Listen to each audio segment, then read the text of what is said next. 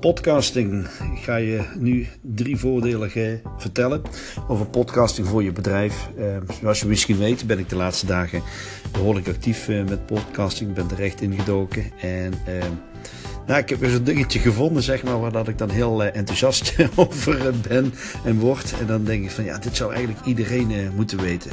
Maar ja, goed. Wat zou je eigenlijk met podcasting kunnen doen?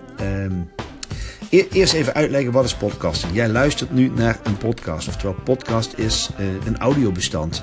Ik zie dat als een beetje een radio-uitzending. Uh, je hebt de controle erover. Je hebt bepaalde samenstelling in het onderwerp.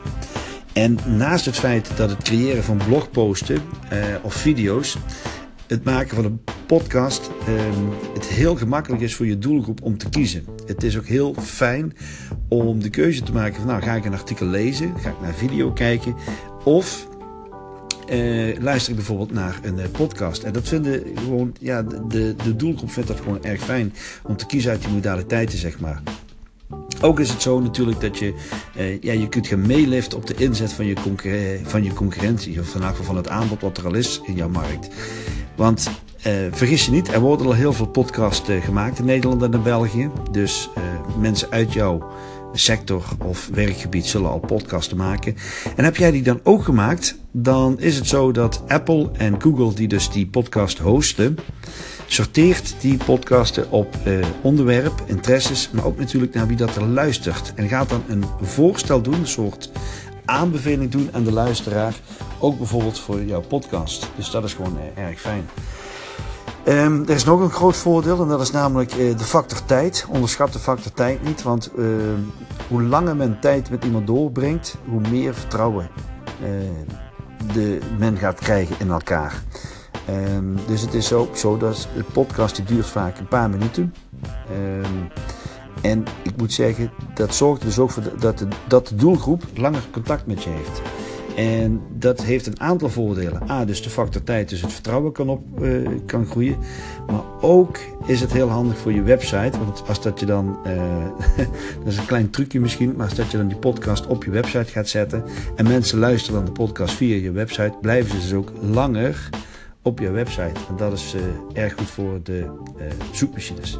Het allerbelangrijkste vind ik uh, dat je de podcast ontzettend snel kunt produceren en distribueren.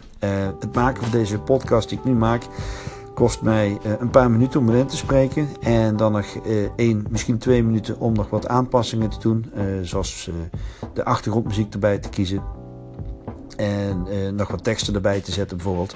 En dan gaat het los, dan laat ik het los, dan ga ik het distribueren. Dat gaat min of meer automatisch. Het gaat naar iTunes, dus daarin ben ik te vinden. Het gaat naar Google Play, daarin ben ik te vinden.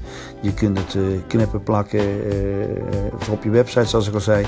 Maar je kunt het ook distribueren via Twitter, via Facebook, LinkedIn uiteraard. Dus eigenlijk alle grote bekende platformen, daarop kun je dit gewoon toepassen. En dat vind ik gewoon een heel groot voordeel.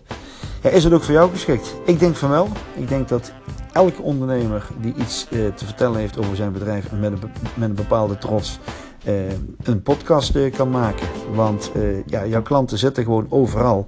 Jouw doelgroep bevindt zich online, of ook online. En daarmee kun je gewoon gebruik maken. onderwerpen waar je dan over kunt kiezen. Nou ja, goed. Wat denk je van de ervaringen met jouw klanten? Inzichten die je hebt opgedaan. Oplossingen die je hebt voorgesteld. Maar je kunt ook, als dat je al blogartikelen hebt geschreven, kun je ook een podcast maken ook over je bestaande blogartikelen. Mits dat ze natuurlijk nog relevant zijn.